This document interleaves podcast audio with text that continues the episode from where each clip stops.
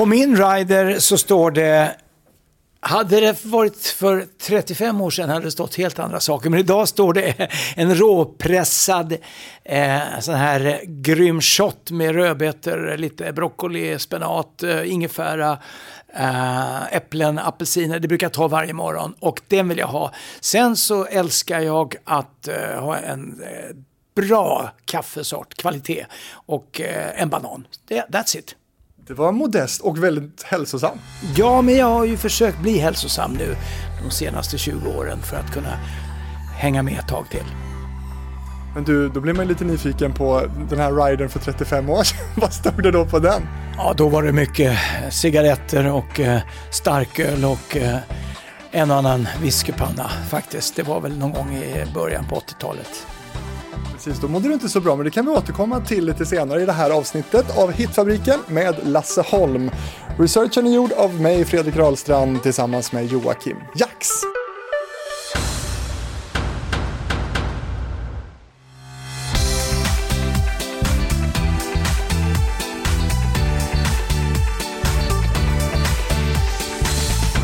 Ja du Lasse, eller Larry Moon, vad ska vi kalla det tycker du? Ja, Larry Moon var ju en pseudohändelse i mitt unga liv. Jag var ju då med i en grupp som heter Spaceman och jag var väldigt ung och eh, den basisten var ju med i Violence. Lennart Karlsmyr fick kontrakt med Sonett. Sonett var dåtidens top of the bill och där tyckte då de två herrarna Gunnar Bergström och Svenne Lindholm att jag skulle bli en tonårsidol.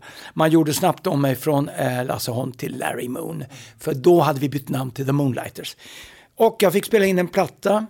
A Big Bouquet of Roses hette den första. Och sen Tijuana Ball med Larry Moon då som, som signum. Och eh, det var samma snubbe som skrev Speedy Gonzales till Pat Bone. Som blev en världshit. Och han skrev samma låt fast han kallar den för Tijuana Ball. Så den börjar ju la la la la la la la. Precis samma.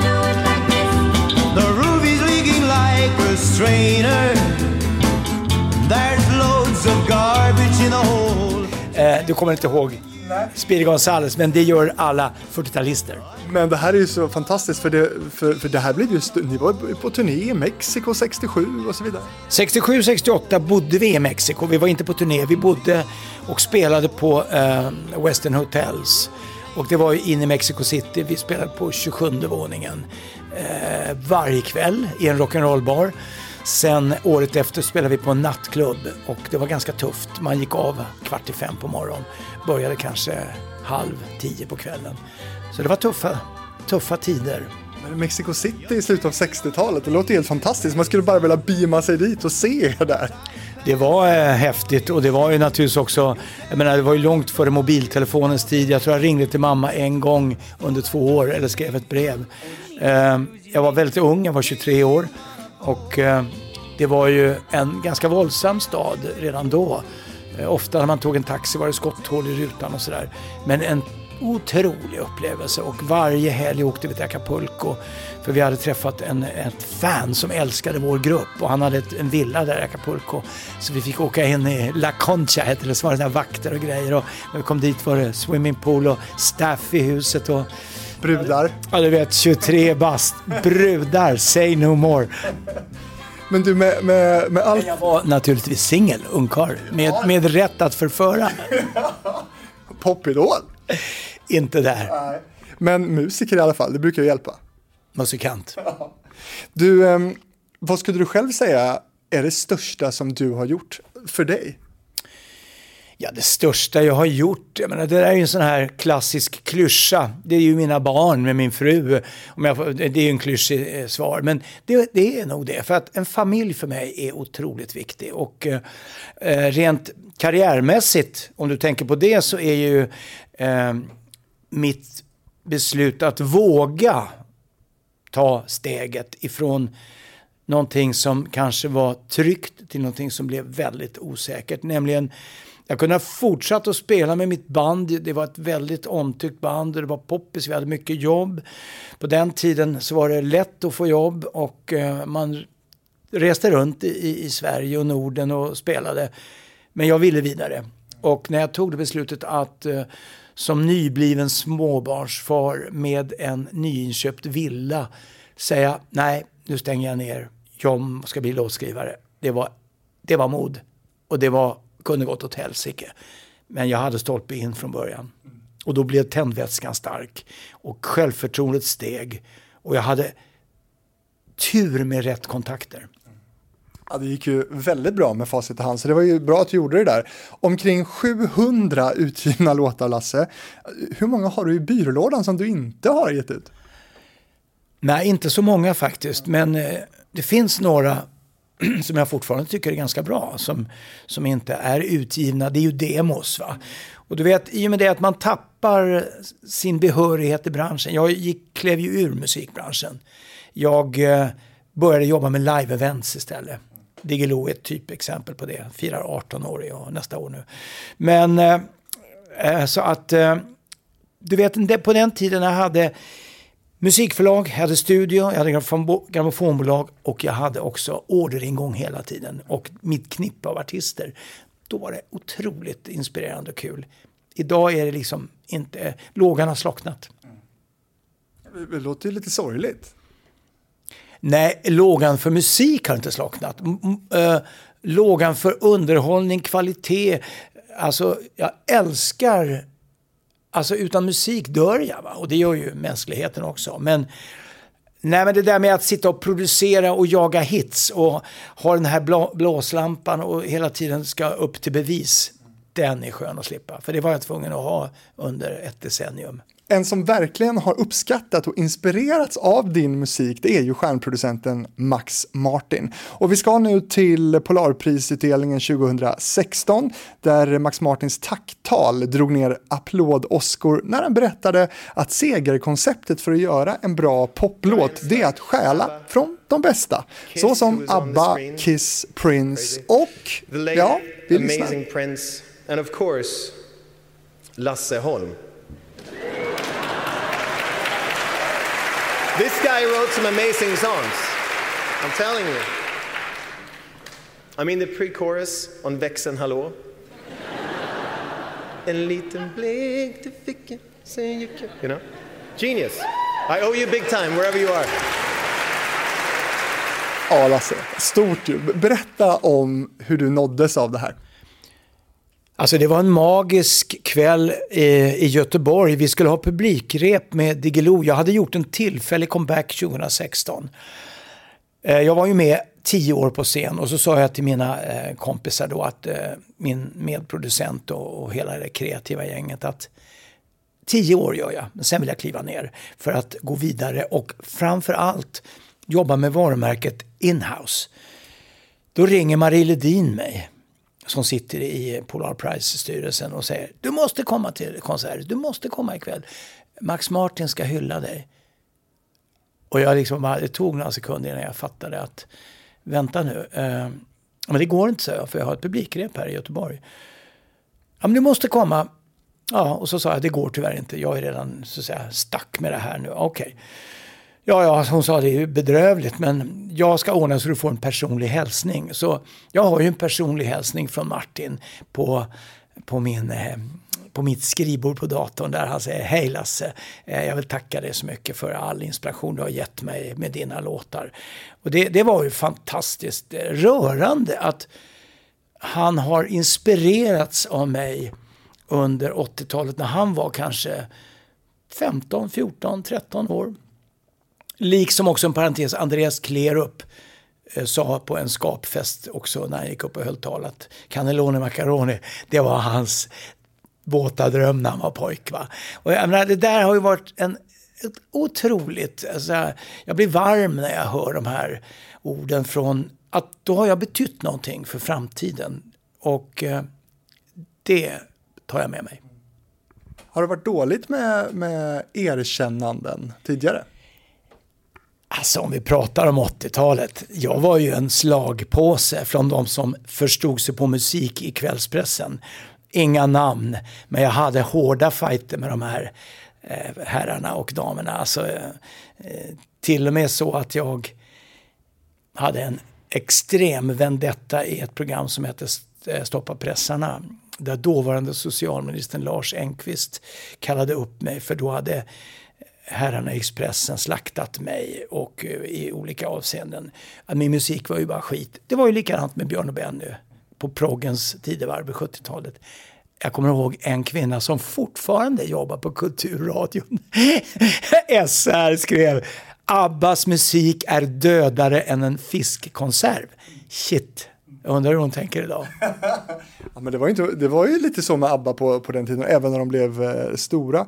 Men, men vad tror du, vad var det i den här hyllningen från Max Martin då som, som gjorde dig så berörd?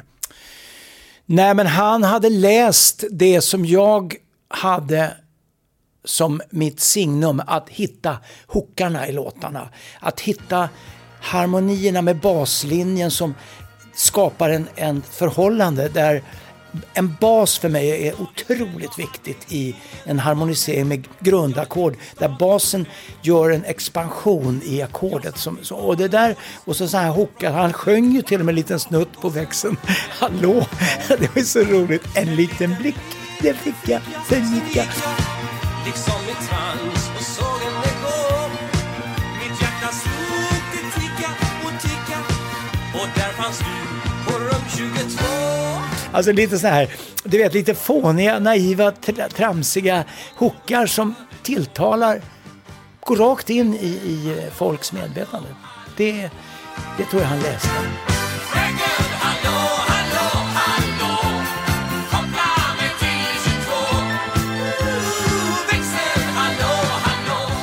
Vilken skulle du, du säga då är din största internationella framgång? Jag har ju inte haft några internationella framgångar. Eh, jag har ju... Eh, du tänker att du ändå har nosat lite på, på världen utanför Sverige i och med Eurovision och sådär? Ja, Främling, den var ju naturligtvis eh, en kort tid under 1983. Låg ju på Tyskland och Hollandslistan och Belgien och sådär. Vi var ju nere och så var vi i Japan också med Carola. Så att, nej, det, det har varit fantastiskt. Men jag vill inte tala om någon internationell karriär i mitt fall. Hade jag, hade jag varit 40 eh, bast idag med eh, det som händer med internet och den globala eh, musikerövringen så hade jag kanske haft en möjlighet. Är det något du liksom sökte då?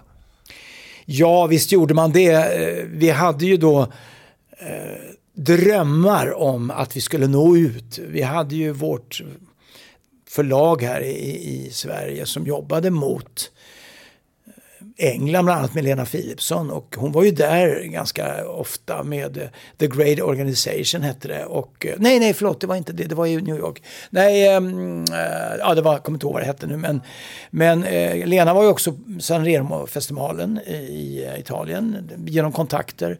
Och, och vi jobbade, Torgny Söderberg och jag, vi drev ju bolag ihop. Och vi jobbade ju naturligtvis för den här drömmen. Och när äh, Carola smällde till då så var det ju att vi hoppades och drömde och trodde. Vi var ju i Tokyo och gjorde en jäkla promotionresa alltså. Men det hände inte så mycket. Sen var det ju bröderna Gibb med Carola när vi avslutade vårt samarbete. Men det hände ju ingenting där heller. Det har varit trögt för Carola på den fronten kan man säga. Vi ska återkomma till ditt samarbete med Carola också lite längre eh, fram. Nyligen så var du på, på lunch med talmannen i riksdagen, va? Berätta! Ja, det var en absurd eh, verklighet. Jag fick ett, en mejl, det stod så här, eh, Lasse Holm är varmt välkommen till talmannens höstriksdag. Eh, och jag replikerade den här förfrågan och är ni säker på att det är rätt Lasse Holm som är inbjuden? Och då fick jag ett svar, är du denna Lasse Holm? Och så var det Wikipedia-länk. Och jag gick in på Wikipedia, där satt jag eh, och då tänkte jag, ja men herregud, ja men det kan man ju inte missa, det var ju en sån stor ära. Det är nästan så att du skulle mejla tillbaka och fråga om det verkligen är rätt talman som använder sig av Wikipedia-referenser. Ja, denna underbara Andreas Norlén, alltså vilken underbar person måste jag säga. Det var en ära och stor glädje att lära känna honom. Jag kom ju naturligtvis iklädd min finaste slips och klev in bland alla riksdagsledamöter och generalsekreterare och landshövdingar och eh, statsråd och eh, med mig hade jag då min slagersyster Ingela Pling som också hade fått inbjudan och det var därför jag liksom vågade gå. Sen hade jag då, stod vi och tittade på placerings, det var väl en 180 personer och vi stod, var ska du sitta, var ska jag sitta? Men jag ska sitta vid bord 13, sa hon. Jag sitter bredvid den och den. Men jag hittar inte mig, så jag. Ja, men du sitter ju för fan vid honnörsbordet. Så jag satt bredvid vice civilministern, riksmarskalken och talmannen och hans hustru och Sissela Kyle. Det var vi tre som var de svarta fåren i denna anrika samling av, av prominenta personligheter. Hur gick snacket? Det är bara snackare som Midnattsschlagerlåtar. Det var skitkul. Alla kunde vissa, alltså alla hade en referens till olika mellovinster. Och det året kommer jag ihåg det och jag kommer aldrig glömma, vi stod i en hörna Pling och jag med varsitt glas bubbel. Och då kommer en kvinna fram med lite blossande kinder och säger Åh, jag måste få ta en selfie med er. Ah, ni är grymma, jag älskar er musik och så vidare. Det var ju underbart trevligt. Och, och sen var jag tvungen att fråga, ursäkta mig, jag, eh, vem är du? sa jag. Jag, jag är eh, eh Advokatförbundets nya generalsekreterare, Mia Insulander, efter Ann Ramberg. Oh, och så börjar hon sjunga på Nu är det något stort på gång Ja, snart ska någonting hända Ja, den har jag gjort med storband. Ja, det var ju så, jag blev alldeles varm. Ja, skulle du behöva advokathjälp någon gång då så vet du vem du ska ringa? Det sa hon också. Get in touch. Du, när du träffar personer som inte känner dig, hur beskriver du ditt verk, din, din karriär? Ja, kan man säga? Jag beskriver min karriär som tunnelseende på musikaliska framgångar. Från att jag började turnera, jag brann ju för att liksom kopiera mina idoler. Jag låg ju när jag var 11 år under täcket när mamma sa godnatt och lyssnade på Radio Luxemburg som det hette på den tiden. Det var Top 20. Och du vet, varje listplacering, vet du, jag, var i, jag hade så jag hade gåshud. Och jag låg och spekulerade, vem är etta, vem är tvåa? Du, var på, du vet, det var långt före Beatles tid, det var långt, ja, men det var ju på Elvis tid när han breakade. Alltså nu snackar vi 55, 56. Och där startade eh, den här, alltså en, kan man säga någon, någon sorts drog för popmusiken och för musik överhuvudtaget. Jag är ju född i en familj där mina föräldrar lyssnade väldigt mycket på, på klassisk musik. Så att söndagsförmiddagarna i mitt hem på den tiden det var att vi skulle vara tysta min syster och jag. För nu skulle man lyssna på Beethoven eller Mozart eller Brahms eller vad som helst. Va? Och det där kom ju in i min ryggrad och modersmjölken lite grann. Så att jag har ju med mig ganska mycket. Jag skrev ju en låt 89 Nattens drottning som var med i Mello, där Elisabeth Berg sjunger Nattens drottningsaria. Briljant! Och det knyckte jag in den där och det tyckte jag var rätt kul. Men karriären var skol, skolåren en katastrof. Mamma förtvivlad. Betygen usla. Eh, klasskamraterna fick hjälpa mig att överhuvudtaget klara proven. Allting gick ut på att sitta och lira. Jag var på Nalen i Stockholm som var ett mecka då för pop. Jag var väl 14 år, stod och lirade en en eh, gitarr med en amerikansk ung man som kom. Ja, det är en lång historia, den ska vi inte gå in på nu. Men vi fick ju vara med på Nalens jazzkonsert på Konserthuset med Doug and the Millsmen hette det. Och det var helt otroligt. Vi hade tre backup-tjejer. För jag älskade då Ray Charles redan. Och The Raylets var ju eh, Ray Charles backup vocal. Så vi hade dem med. Och vi var så pass eh, bra tyckte man väl så vi fick vara med med, med eh, Carl-Henrik Norins storband, Arne Domnéus storband, en amerikansk sångare som heter Jack Daly och Toots Thielemans som var en legend kan jag säga. Oj, ja det var tider. Campagnola, Fio, Girola, quattro stazioni Marinara, capricciosa 1986, Cannelloni Macaroni, kanske den låten som, som eh, flest felaktigt tror har varit med i Melodifestivalen, men det ville du. Nej, nej, nej, nej, den var aldrig aktuell. Jag hade ju då gjort Är det här du kallar kärlek med Monica Tunnell och den kom på en hedersam femte plats i eh, Bergen. Den vann ju i Sverige. Den vann i Sverige. Uh, även om jag ändå kan säga att Styles Dover Calais blev en större hit faktiskt. Det blev det. Men den här låten, eh, Era kalla kärlek, har ju förädlats och eh, tagit sig fram successivt och är fortfarande omtyckt. Nu skrev jag en låt eh, Ja, det var en galen idé. Jag fick bara att skriva en låt. Jag skrev den på engelska, skickade den till en kompis och det här kan du inte ha på engelska eller svenska. Den måste vara på ett romantiskt språk. Jag litade på honom. Jag tog min hustrus cykel, cyklade ner till pizzerian i Vallentuna där jag bodde och så sa jag, får jag en meny? Jag fick en meny, jag åkte hem i köket. Där fanns det 13 pizzor på raken. Texten tog ungefär 12 minuter att skriva. Det blev en grym hit, alltså Cannelloni Macaroni. Och det roliga är, den låten är fortfarande så stor bland yngre människor. Och jag är så glad för det, för radion spelar den aldrig. Därför den, radion är ju så väldigt nischad. Och just att jag får ner en lite putslustig eh, text om pizzor så negligeras den låten. Även fast jag vet att den är skitstor eh, ute ibland folket.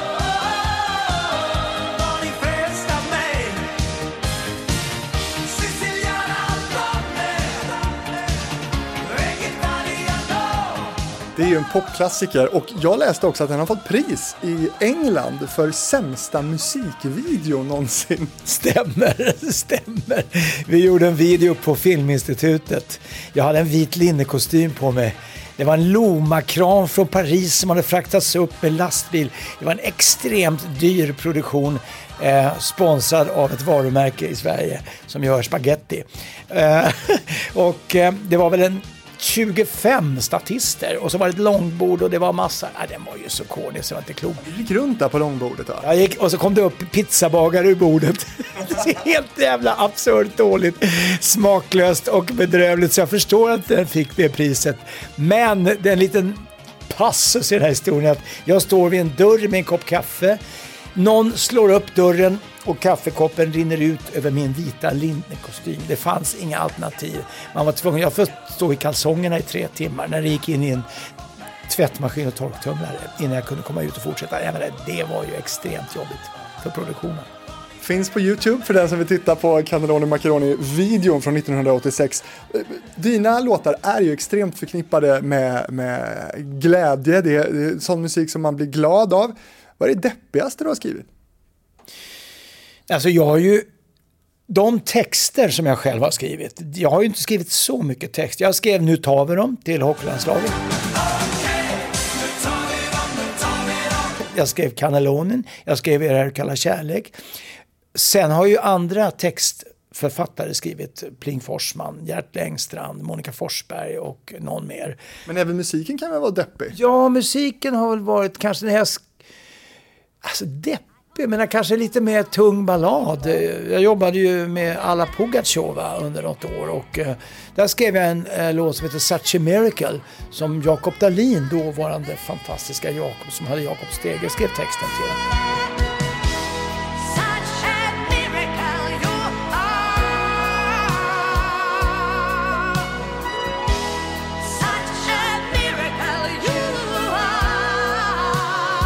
Och eh, den höll vi på att få inspelad med eh, Kenny Rogers faktiskt. För jag träffade, eh, inte Max Martin, men George Martin på Elite Plaza i Stockholm och överlämnade kassett och noter till honom. Och han sa att jag ska göra mitt bästa. Det var en stor ära att träffa Sir George Martin faktiskt. Mm.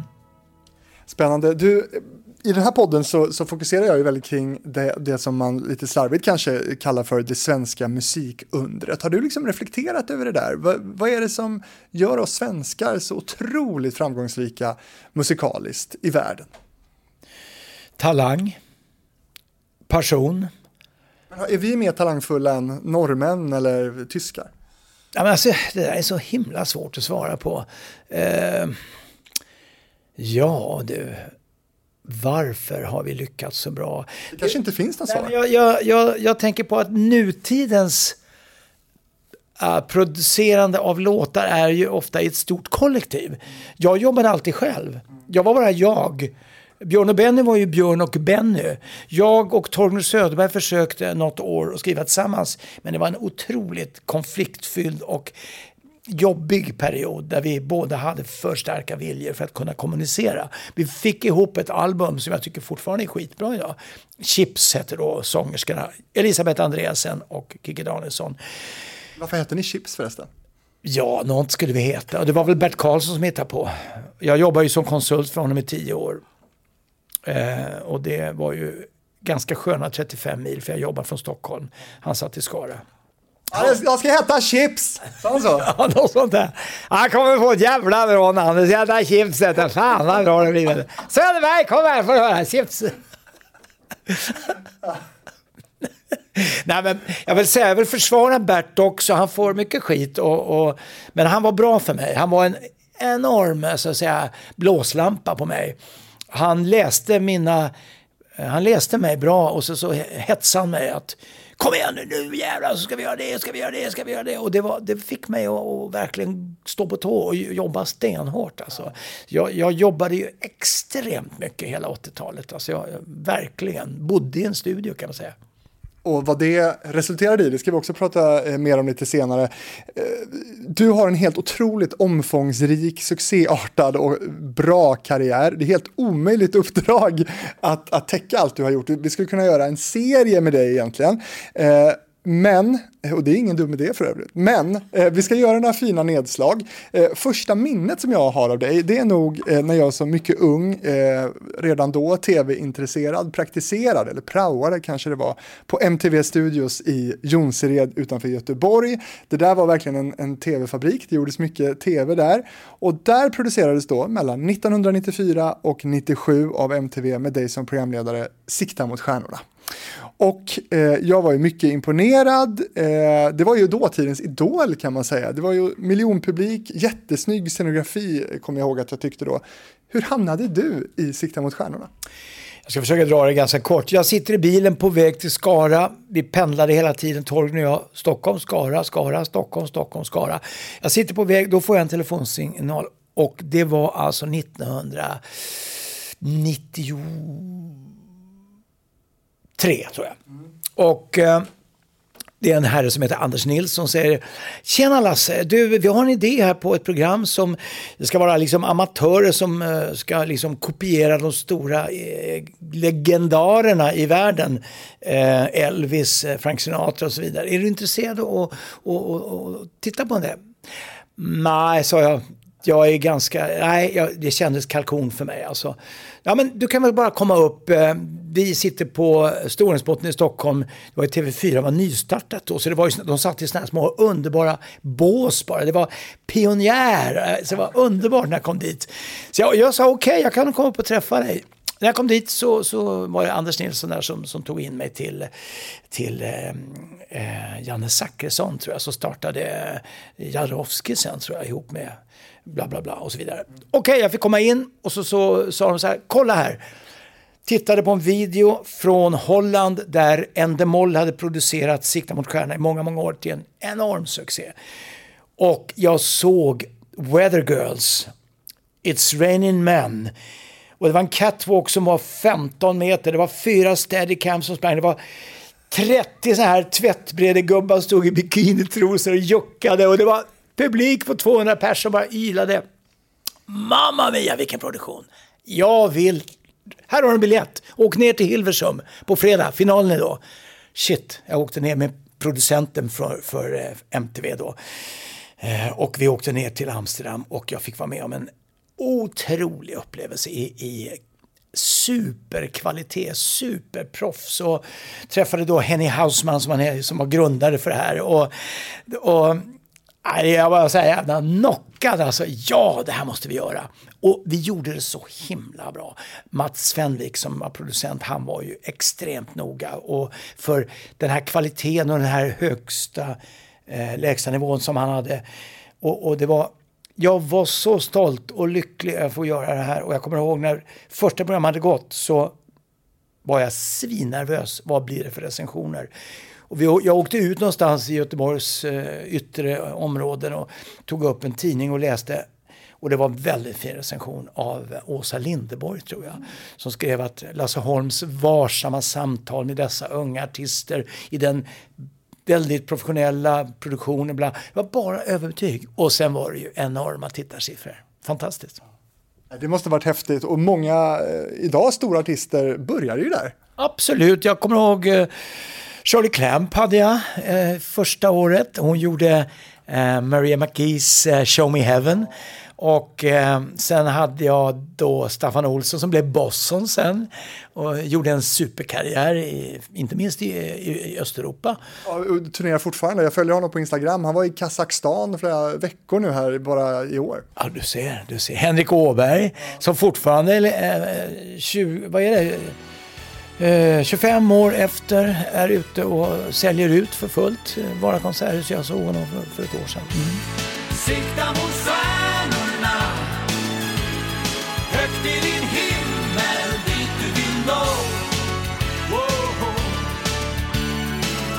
En dag är du vid målet Men du, låten Sikta mot stjärnorna, berätta om den. Ja, det var ju också ett äventyr. Alltså, eftersom jag var låtskrivare och, och väldigt då framgångsrik under 80-talet så, så sa man, kan inte du skriva en låt, en vignett här? Och jag gi- gick igång på det och jag tyckte att jag fick till en jäkla bra låt. Jag är väldigt nöjd med den här låten för den hade modulationssekvenser som jag gillade och den hade så här. Du vet så här riktigt, vet Oscarsgalan. och, men holländare, nej de tyckte det var alldeles för seg alltså. Och jag, då vet vi hade ju poliser från Endemol som var med i varje program. Så, så se till att det inte blev några så att säga, saker som ändrades ifrån originalformatet. Men den här låten fick jag verkligen slåss för. Och sen blev ju det en sån jäkla hit. Alltså, så var jag än var i Sverige så hörde jag Sikta mot stjärnorna! Skrek folk så här va. Det var ju jävla roligt. Vi var ju på turné också med programmet. Jag var på den på Lisebergshallen. Du var det! Och utsålt i Norrköpings konserthus. Så vi sålde ut två gånger samma dag med dessa amatörer. Det var en otroligt omtumlande tid. Men signaturmelodin, det kanske inte är så många som vet det, men det är ju faktiskt väl, verkligen en fullängdslåt också. Ja men absolut, det är ju det för att jag hade ju vers, refräng och, och stick också.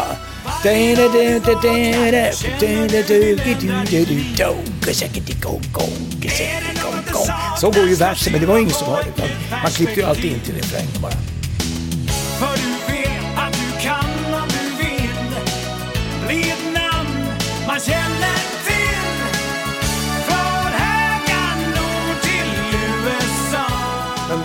Inspirationen till den då, plockade du med dig någonting från, från Endemol liksom i, i både produktion eller någonting? Eh, ja, signaturmelodin var ju väldigt Lasse Holmsk, men i övrigt i din stil som programledare eller tog du med dig något från det här otroliga intrycket du fick där nere?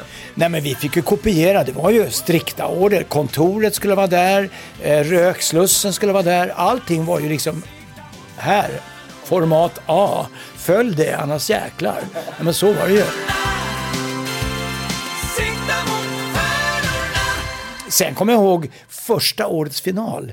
Olle Nilsson vann som John Lennon. Och han var ju kusligt porträttlik och röstlik när han satt på scenen. Då ville vår producent ta upp en flygel. Då var Endemol-folket där. Det ska inte vara någon flygel på scen, inte i finallåten när han har vunnit. Och det blev en enormt eh, tu- turbulent moment alltså. Men vår producent gav sig inte. Han skulle sitta vid flygen så det, blev, det var väldigt tuffa tag, hårda, nästan knytnävar ibland. Så det var svintufft alltså. Eh, Det var, det var en väldigt turbulent tid, men underbar. Men det var ju också din, ditt första programledarskap, den där rollen, den, den iklädde, iklädde du dig ganska snabbt, även jag, om jag vet att du efteråt har tyckt att, att du gjorde liksom alla fel man kan göra från början. Du har helt rätt, du har läst på. Jag går in första programmet, sätter mig kallsvettig i en kostym med en väst och slips och ska intervjua Anna Nilsson som eh, sen började jobba med mig på Diggiloo och jobba med Måns Zelmerlöw och hon skulle vara Olivia Newton-John och sjunga eh, den här, eh, vad heter den från Grease-filmen? Eh, balladen. Da, da, da, da, du, du, du, du, du, du.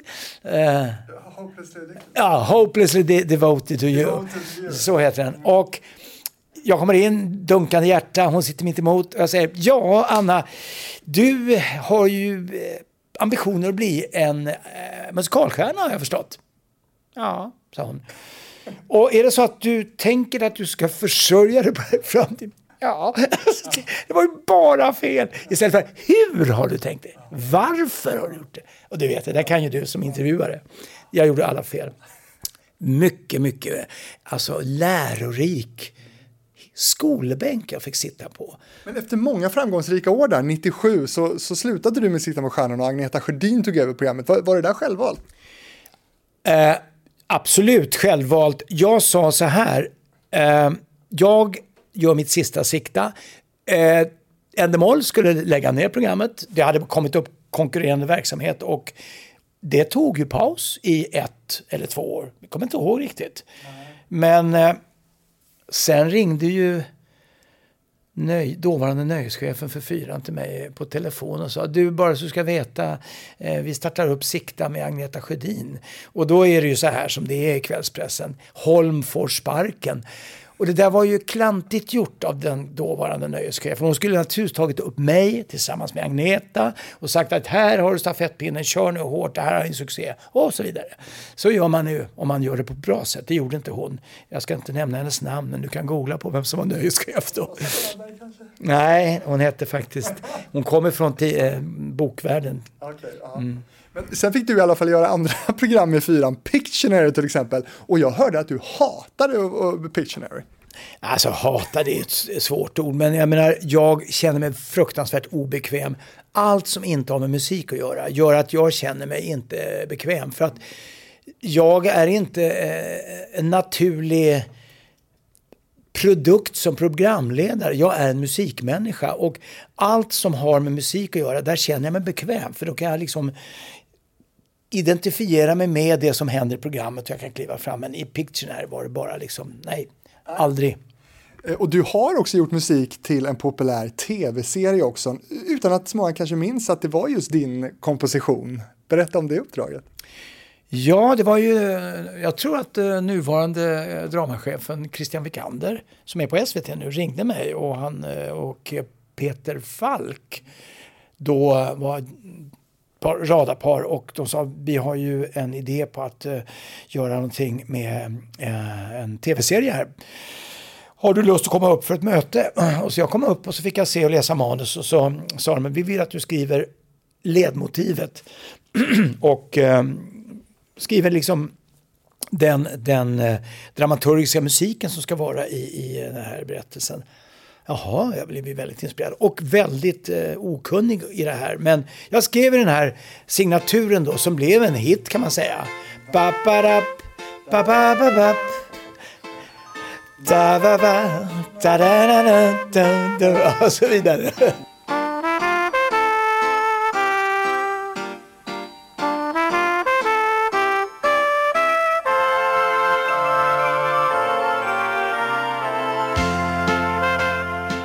Och det, den spelades ju in sen till och med Vikingarna gjorde den. Christer Sjögren och, och satte en, en text till den som någon skrev. Alltså jag skrev den inte.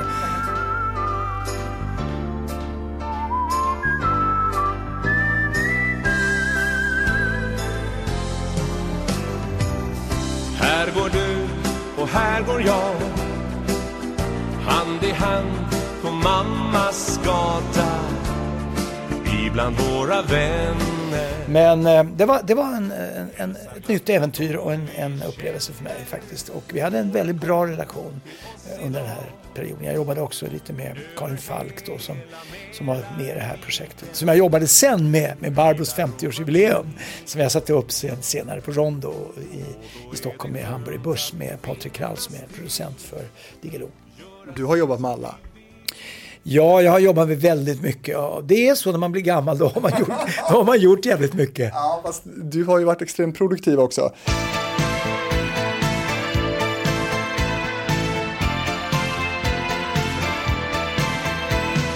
Vem är du, vem är jag, levande charar 1987, jag vet Lasse att, att du, eh, du älskar den här låten. Jag, jag tycker jag är väldigt förtjust i Högt över havet för den står i ett eget rum tack vare den fantastiska artistens sätt att tolka den här låten med hennes Vem är du? Vem är jag? Alltså det där är så, det är så starkt, alltså det är underbart. Och, Ja. Var det självklart att välja Arja till den här låten? Det var ju Bert som ringde mig. Han hade ju fiskat fram Arja och sagt att nu ska du skriva en låt till Arja. Och jag sa Arja, herregud, hon står ju för en annan sort än vad jag håller på med. Hon var ju då Mik Stiadrakis, varit ute i, i världen och och turnerat runt hela jorden i Chile och överallt med Theodorakis frihetssånger som, som var en extrem eh, tung motpol mot den grekiska juntan då som han, han stod upp för att slogs mot dem verkligen med sin musik. Men hon kom till studion i Stockholm och jag var ju som vanligt lite små, va, vänta nu hur ska det här gå? Då hade jag skrivit texten också, bara det, till Arja Saijonmaa. Vem är du? Vem är jag? Levande charader. Och, men hon gillade låten, hon hade med sig en vinpanna från Paris och en ost kom jag ihåg. Vi satt och smaskade på det där. Och sen så åkte vi ner till Göteborg. Och hon var ju segertippad alltså, och det var ju jäkligt nära. Med en poäng förlorade hon mot eh, Lotta Engberg då, som var höggravid.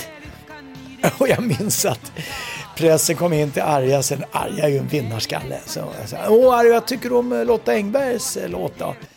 Nå, sa hon. Lotta, Engberg, äh, Arja, Lotta Engbergs melodi, det är ingen komposition. Det är en kompost.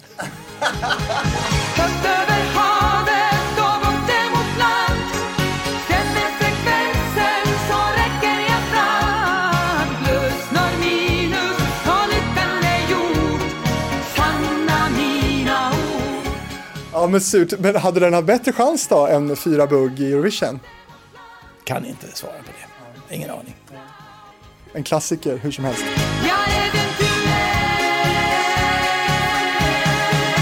Du Lasse, du har bara säger jag, släppt två stycken soloskivor, 1986 och 1987. Ehm, och det där kände jag till, men ändå tycker jag ändå att det förvånar mig lite. Vad, vad beror det på att det blev två soloalbum bara? Ja, jag har ju aldrig sett mig själv som artist. Jag har sett mig som branschman. Jag har sett mig som producent. Jag älskar att jobba i kollektivet. Jag älskar att jobba i det kreativa forumet som var på den tiden. Tony Söderberg, jag och Bert var med då. Vi hade otroliga så här peptalks och gick in i våra rum och så kom tillbaka och, och lyssnade av varandra, gav varandra en boll i luften där, gav den och så vidare. Likadant som vi jobbar i Diggiloo idag. Vi har, vi har ett kreativt gäng. Att stå själv där framme och vara ett namn, det, är, det var aldrig min, eh, min... Jag har aldrig liksom känt mig bekväm. Från Larry Moon då, som jag snabbt backade ifrån och gick in i bandet igen. För det är faktiskt den, den eh, extremt klara sanningen att jag är väldigt, eh, så att säga, glad att jag inte blev artist för jag hade nog inte klarat den här pressen som är. Jag tycker inte att jag var tillräckligt begåvad för att vara en Tommy Körberg eller en Björn Skifs eller du vet. Det, alltså jag hade inte det självförtroendet. Det låter ju så, att det är självförtroendet som brister Inte här. alls det självförtroendet. Jag var, jag var väldigt så här, eh, dissade mig själv. Sen när jag gjorde det här du kallar kärlek och, och, och fick mycket cred och sen när jag gjorde Cannellonien fick jag mycket cred. Så det är på senare år nu som, som jag gör mina egna case va? Och, och är ute och gör min show på en timme med mitt band och en extremt begåvad sångerska. Så hon gör ju de klassiska hitsen Främling och så vidare. Där jag lirar lite orgel och sådär. Men det är först då jag upplever glädjen att stå där och sjunga för att jag har aldrig känt mig bekväm. Så då var det också självklart att det bara blev två sådana soloprojekt. Ja, jag hade inga ambitioner. Eh, och det fanns heller ingen dröm någonstans att bli den där stora stjärnan. Aldrig har det funnits att bli artist. Nej, nej, nej, nej. Du 1989, första Melodifestivalen i Globen och på scen stod eh, dina artister och sjöng Nattens drottning. Och du har ju varit inne på den lite tidigare. Varje natt gör du mig passionera För du är då som sagt uppväxt mycket med, med klassisk musik och eh, lånade då strofer till Nattens eh, drottning. Hur kom du i kontakt med Håkon Pedersen?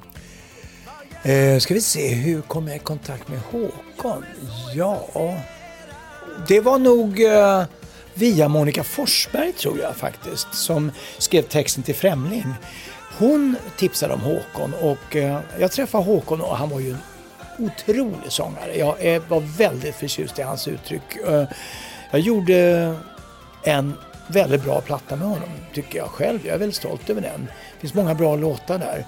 Och då så um, vet jag, jag tror att jag var inbjuden låtskrivare 89. Jag tror faktiskt det.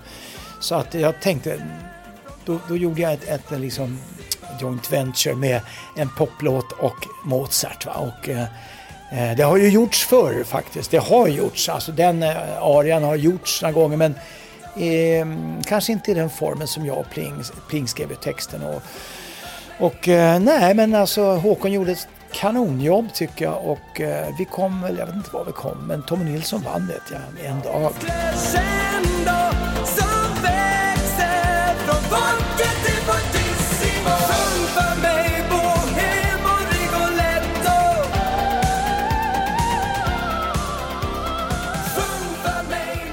och eh, Orup och Glenmark kom tvåa. Och Glenmark och jag har jobbat hur mycket som helst. Jag har ju lirat på hans produktioner och han har ju sjungit backup på mina låtar. Cannelloni, det är Anders i kören med Diana Nunes, Lisa Öhman och Lasse Westman. Så att jag har ju också varit backup till, till Gärdestad med Agneta Fältskog, Lisa Öhman och eh, Lasse Westman på Chapeau och Cadillac. Eiffeltornet tror jag, när Björn och Benny producerade. Nej men Björn och Benny har jag ju känt sedan 60-talet alltså, så att det, är, det är ju två underbara kamrater. Och Glenmark är också en sån där som har gjort allt. Han har gjort allt och det är en extremt begåvad man. Han, hans arrangemangsförmåga, producentförmåga är all time high kan jag säga. Och nu har ju de förädlats. Nu är det reunion och nu är jag träffar både Strömstedt Orup och, och, och Glänkan här nu. De är ju verkligen på gång nu. De ska in i Gota Towers i Göteborg och de ska ner. De, här, de, de har ju en resa framför sig. Du, nu ska vi snacka lite om Melodifestivalen. 1998 så vann Jill Johnson eh, Melodifestivalen med Kärleken är och du skulle ha varit med men drog dig ur i sista sekund. Du, du tog tillbaka ditt bidrag och enligt producenten på SVT ska det ha varit på grund av negativa tidningsartiklar kring ditt agerande i Sikta mot stjärnorna. Vad handlar det där om? Ja du. Eh, Jag eh, sitter då som programledare och jag har en cast som ska ragga fram artister. Jag har uppdrag av dåvarande eh, programchefen Lasse Weiss, en legendarisk journalist. Han sa så här, Lasse Holm, du har ett uppdrag. Du ska ah, vara ambassadör för Sikta mot stjärnorna. Du ska marknadsföra produkten, du ska skriva låtar, du ska göra allt du kan för det här varumärket och vi ska belöna dig bra för detta. Okej, okay, jag tar det var alltså en kommersiell tv-kanal, TV4, som fortfarande är extremt kommersiell. Där, eh, ja, du vet, det vet alla. Jag gjorde så här att jag tog till, till mig det här och jag spelade in en platta med Henrik Åberg som sålde en jäkla massa exemplar. Blev, jag tror det till och med blev diamant. Jag raggade fram eh, via då de som castade artister ett band som eh, jag skulle då marknadsföra i Mellon.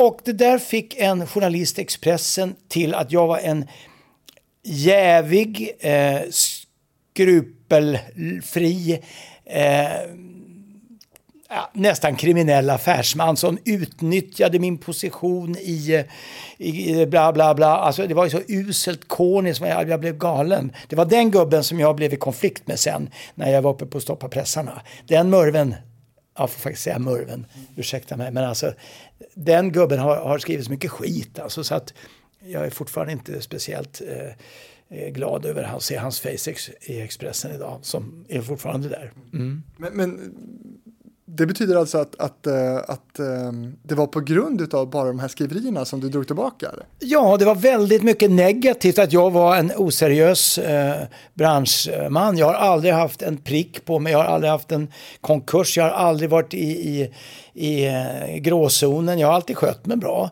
Och jag blev väldigt upprörd och till exempel till och med dåvarande programledare i Svensktoppen tog upp mig och liksom läxade upp mig. att Var det här verkligen bra? Skulle du verkligen utnyttja din ställning? Ja men herregud, vi pratar om en kommersiell verklighet. Jag jobbar för TV4, jag har ett uppdrag. Nej, jag blev väldigt sårad kan jag säga. Och kände mig jävligt ledsen och uh, missförstådd. Och, och vilken var gruppen och vilken var låten? Alltså gruppen hette då Släktingarna som jag döpte om till Date. Och Date finns fortfarande. Och de gjorde en uh, cover på Take That. Och de skulle vara med i Mellon. Och det var en jävla bra låt kan jag säga. Men eh, ah, den drog jag bort. Vad hände med låten? Ingenting. Den ligger i byrålådan fortfarande då? Den finns i byrålåda 2. Fem segrar har det blivit. 82 med Dag efter dag, 83 Främling, 85 Bra vibrationer, 86 är det här du kallar kärlek, 93 Eloise. Det är en bra track record på 80-talet där Lasse. Att den senaste blev 93, är du förvånad över det? Det börjar bli länge sedan, du som har varit så produktiv. Okej, nu förstår jag. Ehm, det tog ju x antal år. Jag eh, klev ur branschen. Just det här med tanke på det som vi precis har pratat om med negativismen.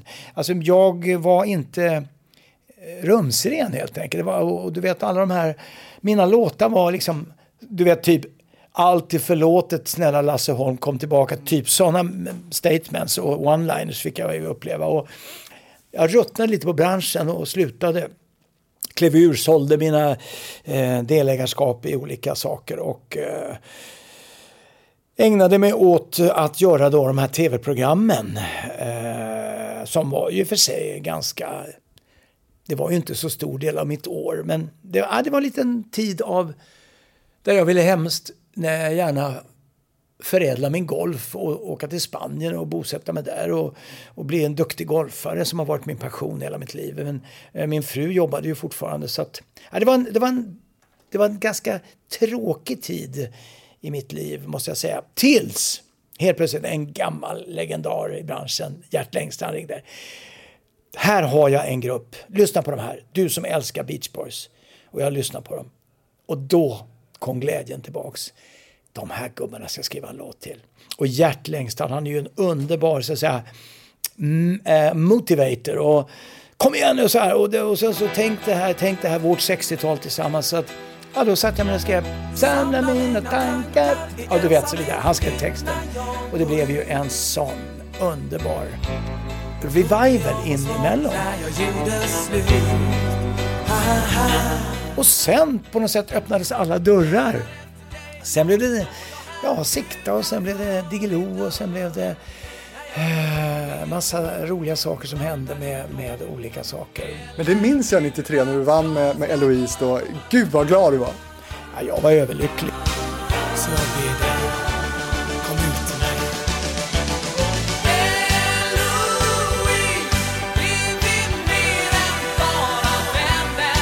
För att då hade jag ju haft sista segern eh, var ju då, när var det? Det var 86 va? 86 ja. Så att det var ju en lång tid och just den här kampen då mellan Torgny Söderberg och jag hade startat en egen label. Och Bert var ju vår konkurrent. Och han hade ju We Are All The Winners med Nick Borgen. Och eh, det var ju liksom, det var ju ungefär som, eh, du vet, värsta rivaler var vi då. Eh, Fast vi har skrattat åt det nu när vi har blivit gamla gubbar. Så, så var det en sån otrolig fjäder i hatten när vi vann. Men du, nämn en låt som du har skrivit i Melodifestivalen då som inte har kommit med men som du ändå har trott mycket på. Ja, ja, ja, ja. Oh, ja, den trodde jag på. Och det var faktiskt Håkon Pedersen som sjöng in den. Och jag var så otroligt taggad på att det här är en hit alltså. Och den kom inte med.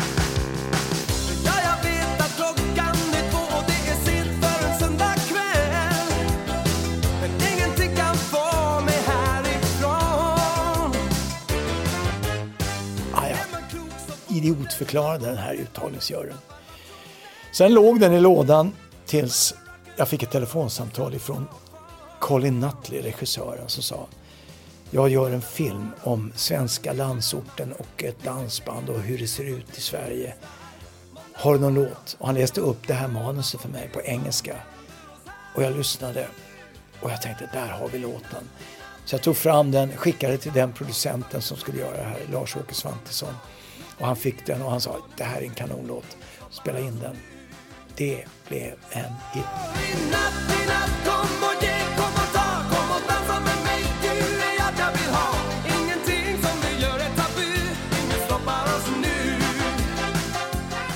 Vad tror du vad det var som gjorde att den inte blev en mellolåt? Inkompetent uttagningsjury. Ja, men hur kan man missa en hit? För det blev ju verkligen det. är ju en extrem... Alltså när jag är ute och giggar nu, jag kan bara sätta ut micken. Alla sjunger. Alla sjunger. Så det är en jättehärlig låt att göra. Det, det är en sån extremt stor låt i folkets medvetande. Inget stoppar oss nu. Du, hur ser du då på den, den moderna Melodifestivalen som vi har idag då kontra den som du rönte stor framgång i på 80-90-talet? Ja, eh, kort analys är det idag en... Eh,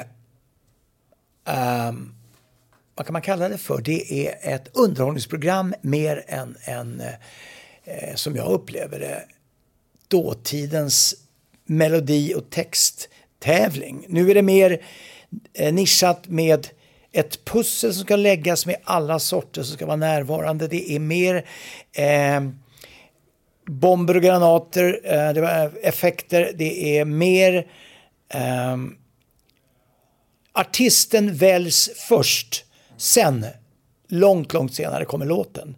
Eh, låten ligger alltid i uh, nummer två i dagens så här, sätt att skapa Melodifestivalen. Det är ett, jag har ett, eh, jag har i, i lite så här kan jag säga i din podd nu att just i år har jag haft en väldig dialog med högsta hierarkin där om en låt som de älskar. En låt som Carola älskar. En låt som jag tycker är skitbra. En låt som kunde blivit en smash. Men den passar inte in i pusslet. Så är det. Det är obegripligt. Nej, det är väl inte obegripligt för då måste man förstå hur de tänker. Och de har ju haft väldiga framgångar med sitt tänk. Eh, så att jag har respekt för deras tänk. De har den, eh, man, det mandatet att, att göra det här underhållningsprogrammet. Men, men det är ju inte så att en låt är en bra låt. Den ska vi ha. Den ska man spela upp eller den- ska framföras i tv med en bra artist. Utan det är den funkar inte i vårt pussel. Men okej, och d- verkligheten är väl då att det finns en annan smash-hit som de tror mer på helt enkelt? Som de då har med?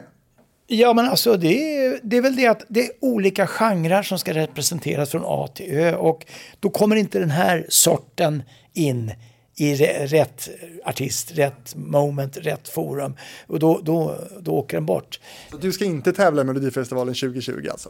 Nej, jag ska inte göra det. Och jag vet att den här låten kommer i alla fall eh, komma ut på Spotify. Den, kommer, den är förlagd på ett av de stora förläggarnas förlag och de älskar den. Så att det, varför sparar den inte då till 2021? Nej, nej, jag har hållit på med den här låten i fem år nu. Nej, nu, nu får den publiceras och så att folk får höra vilken bra låt det är. Men det är med Carola. Nej. Vem är det med?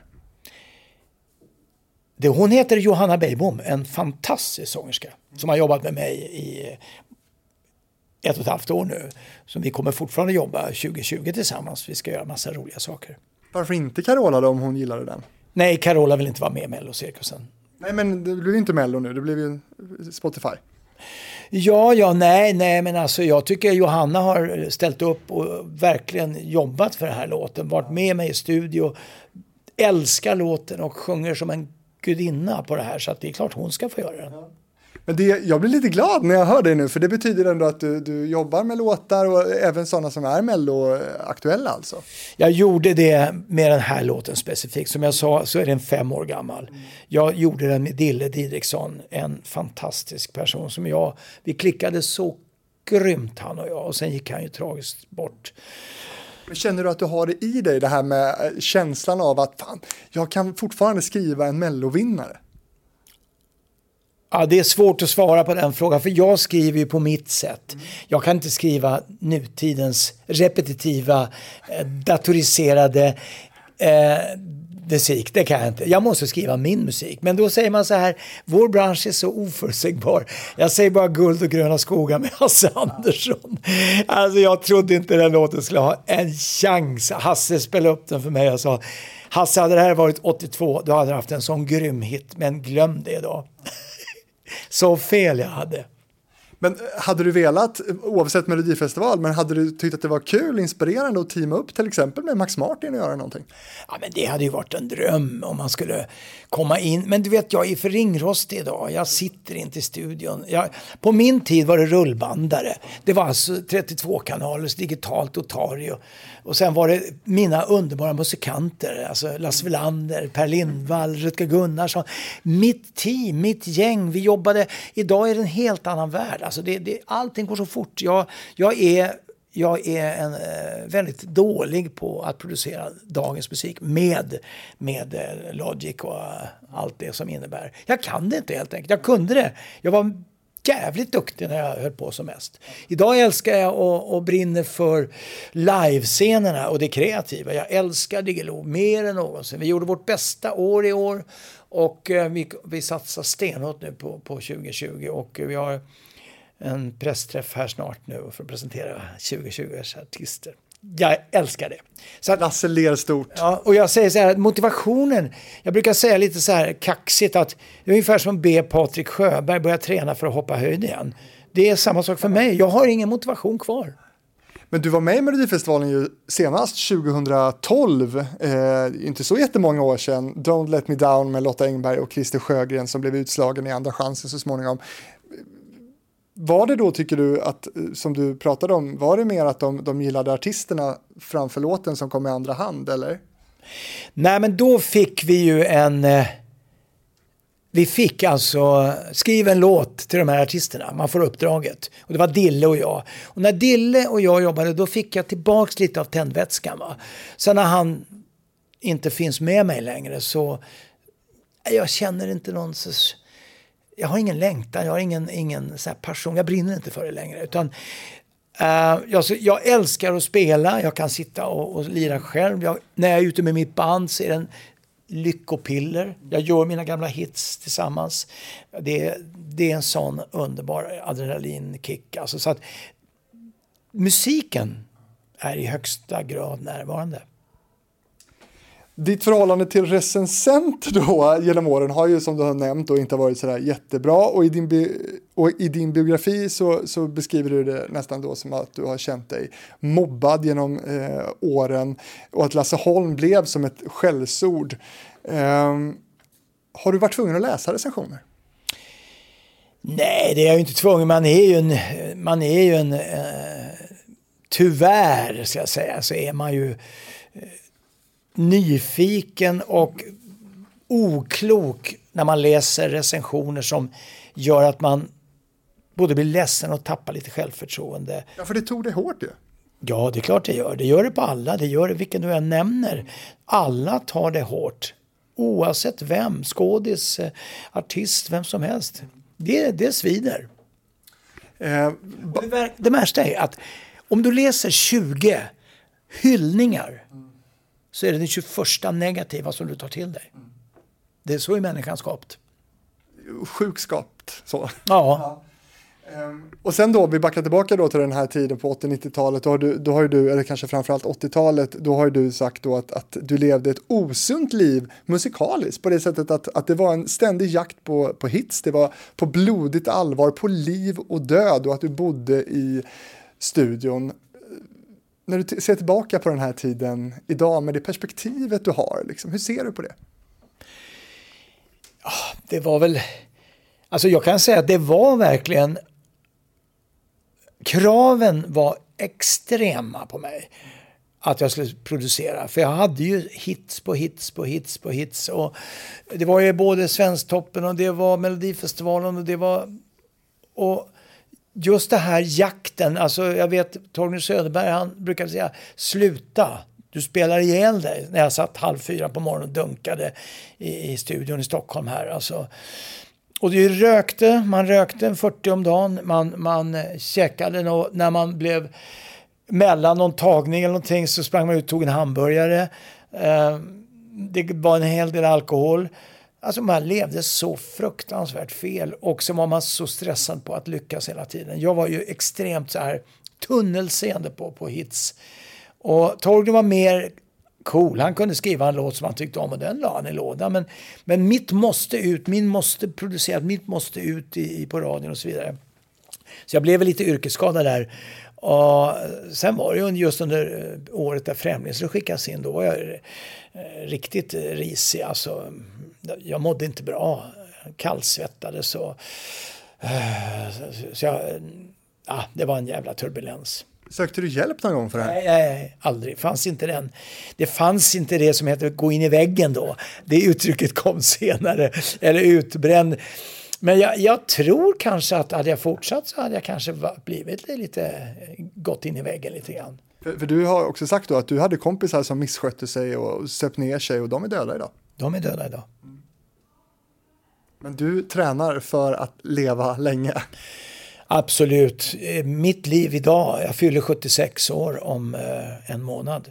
Mitt liv går ut på att känna mig lycklig varje morgon. Att gå upp med, med en leende på läpparna och känna att jag har gjort det jag ska.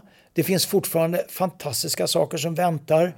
Jag mår bra. Jag är lyckligt gift med en fantastisk kvinna. Jag har en underbar familj och ljuvliga barnbarn och en supergullig ny liten hund. Så att jag, har, ja, jag har ju allt det där som gör livet värt att leva. Eftersom vi bor nära varandra så vill jag, eller vi vill vara hundvakter om det behövs. Menar du det? Gärna, för vi letar efter en hund vi kan ha på helgerna ibland eller någon vecka då och då. Så. Men Det låter ju helt fantastiskt. Vi har ju saknat den för att vi har delad vårdnad med vår son. Vår son är i New York nu på en utställning, så vi har ju barnbarn och hund just nu. Vad är det för ras? En whippet. Den mest sociala. Du får räkna med att den kryper in under lakanet och ligger vid dina fötter. Ja, Hon är ljuvlig, ska jag säga det. det här får vi prata vidare om. Nu, det måste vi göra. Nu ska vi utbyta kontakter. Nej, men gud vad bra. Jäklar. Jaha, men vi, vi, vi snackar om det. Men du, den här fysiska härdsmältan som du beskrev då, eh, som bara kunde sluta med katastrof, vad blev själva vändningen? Vändningen blev ju att jag lyssnade på kroppens signaler. Det här går inte. Ehm, det här går inte, du måste ändra livsstil. Och min kloka hustru sa, nu måste du skärpa dig, nu måste du äta regelbundet.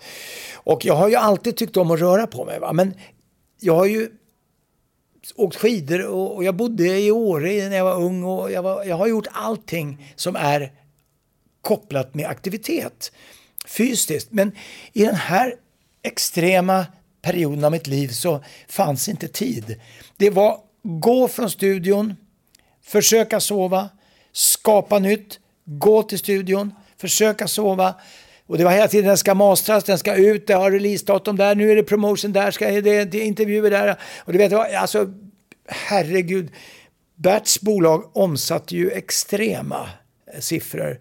Eh, han låg ju som ett lokal, lokalt skivbolag matchade ju de stora multisarna på den tiden. Så det var ju en enorm produktion.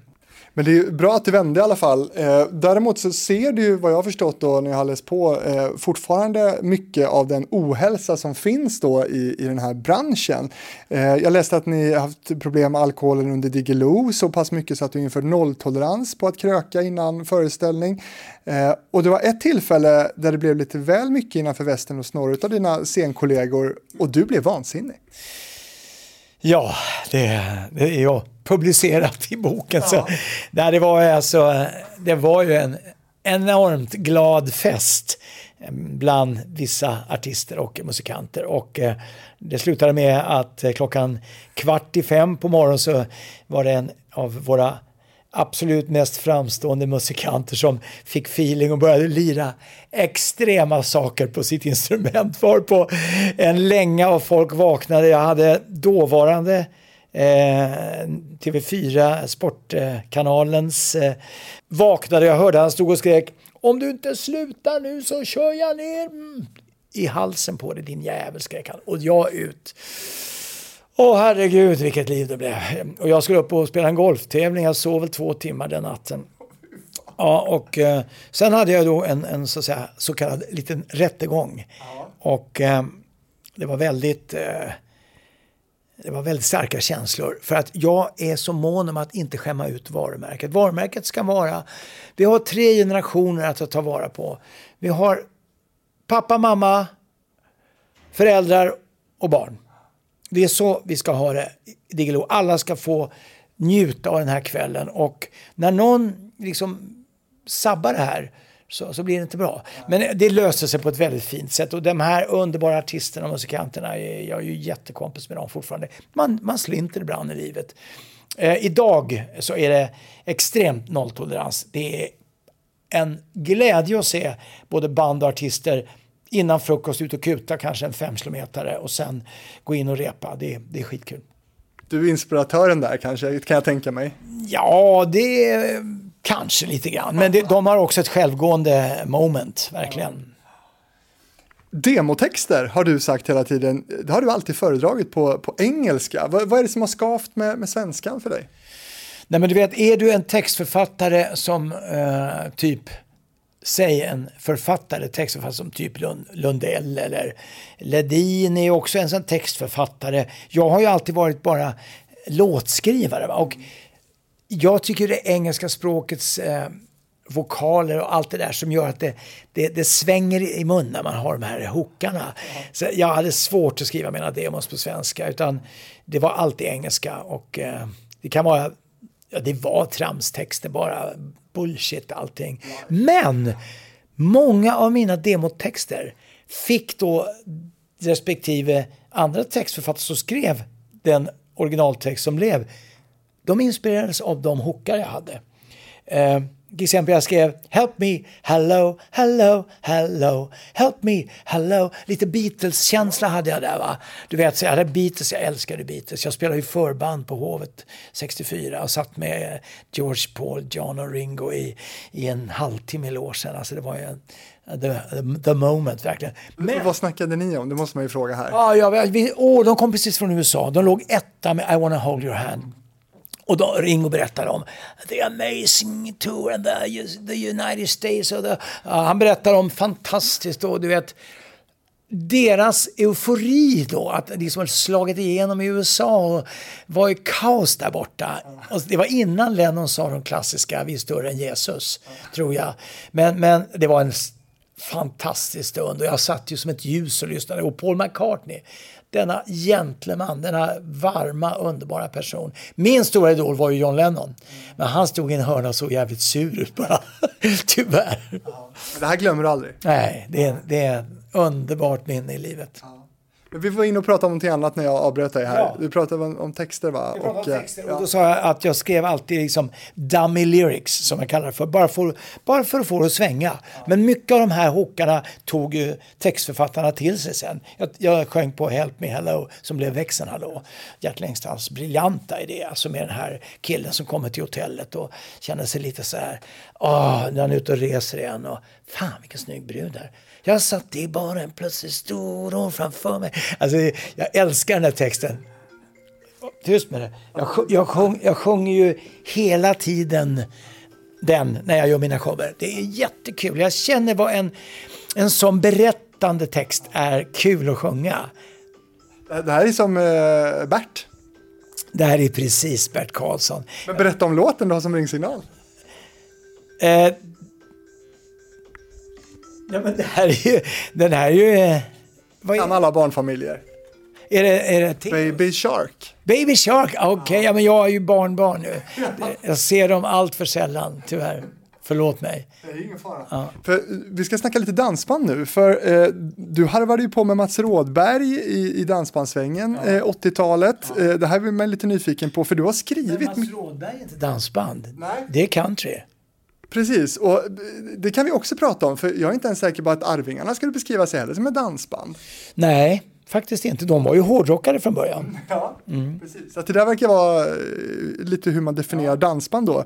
Men, men du har skrivit mycket till dansband eh, och, och eh, har gjort under hela vägen. Är det liksom back to the roots för dig? Liksom? Är det din hemmagenre? Alltså dansband är ju...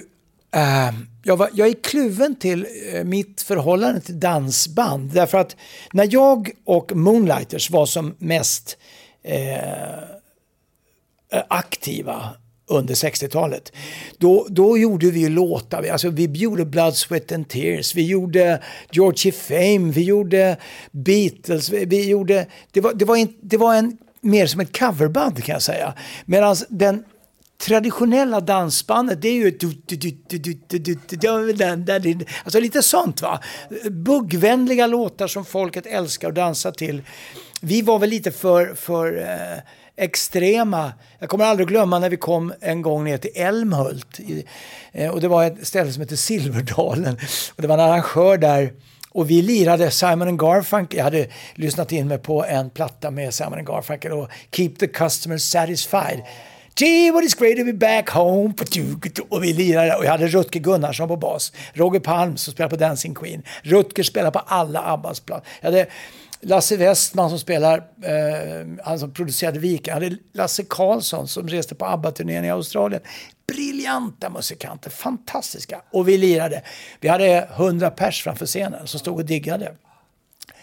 Vi var ju lyckliga när vi åkte hem. Vi var, wow vilket gig vi gjorde. Och så ringde min bokare på måndagen.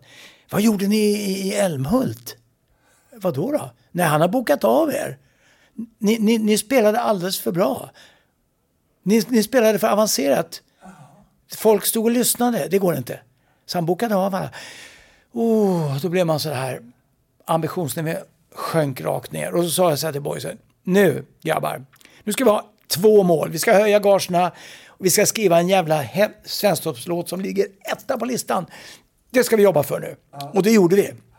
Och jag skrev en låt som heter Tro mig, jag behöver dig. Och den låg etta på Svensktoppen. Och vi höjde gagerna.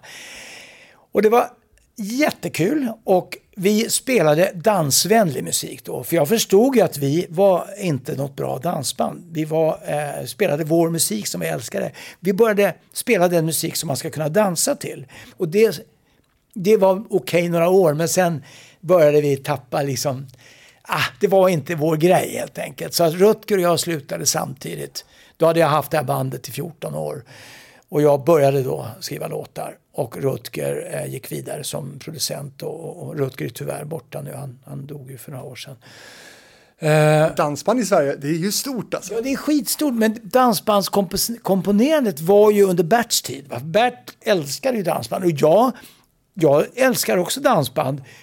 Eh, och då får man sätta liksom pa- kompassnålen till dansbandsmusiken. Och jag tyckte det var kul att skriva. Jag var ganska produktiv där och skrev eh, massa dansbandshits. eh, så- att, Men nya Vikingarna då blev inget med.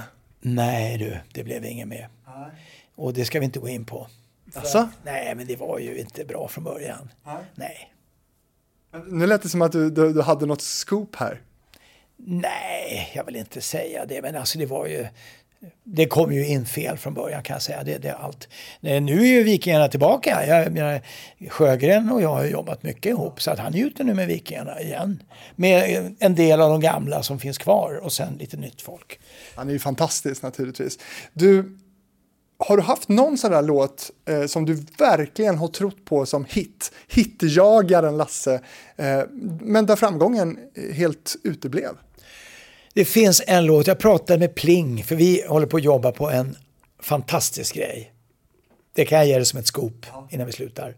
Men Pling och jag och Monica Forsberg som skrev texten till Främling och Torgny Söderberg, Diggiloo Diggiley. Vi håller på att jobba på en um, 25-årig dröm som kommer att nu bli verklighet. Det, ska, det kan du fråga mig sen. Men nu ska jag komma till varför Pling och jag sa det. Varför blev aldrig nästa weekend en hit? Vi älskade den. Uffe Persson var briljant alltså.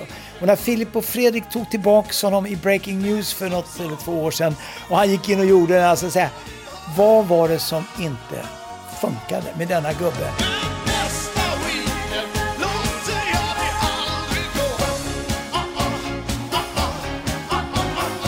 Han hade ett kroppsspråk som var modernt, det var lite Rick Astley över honom.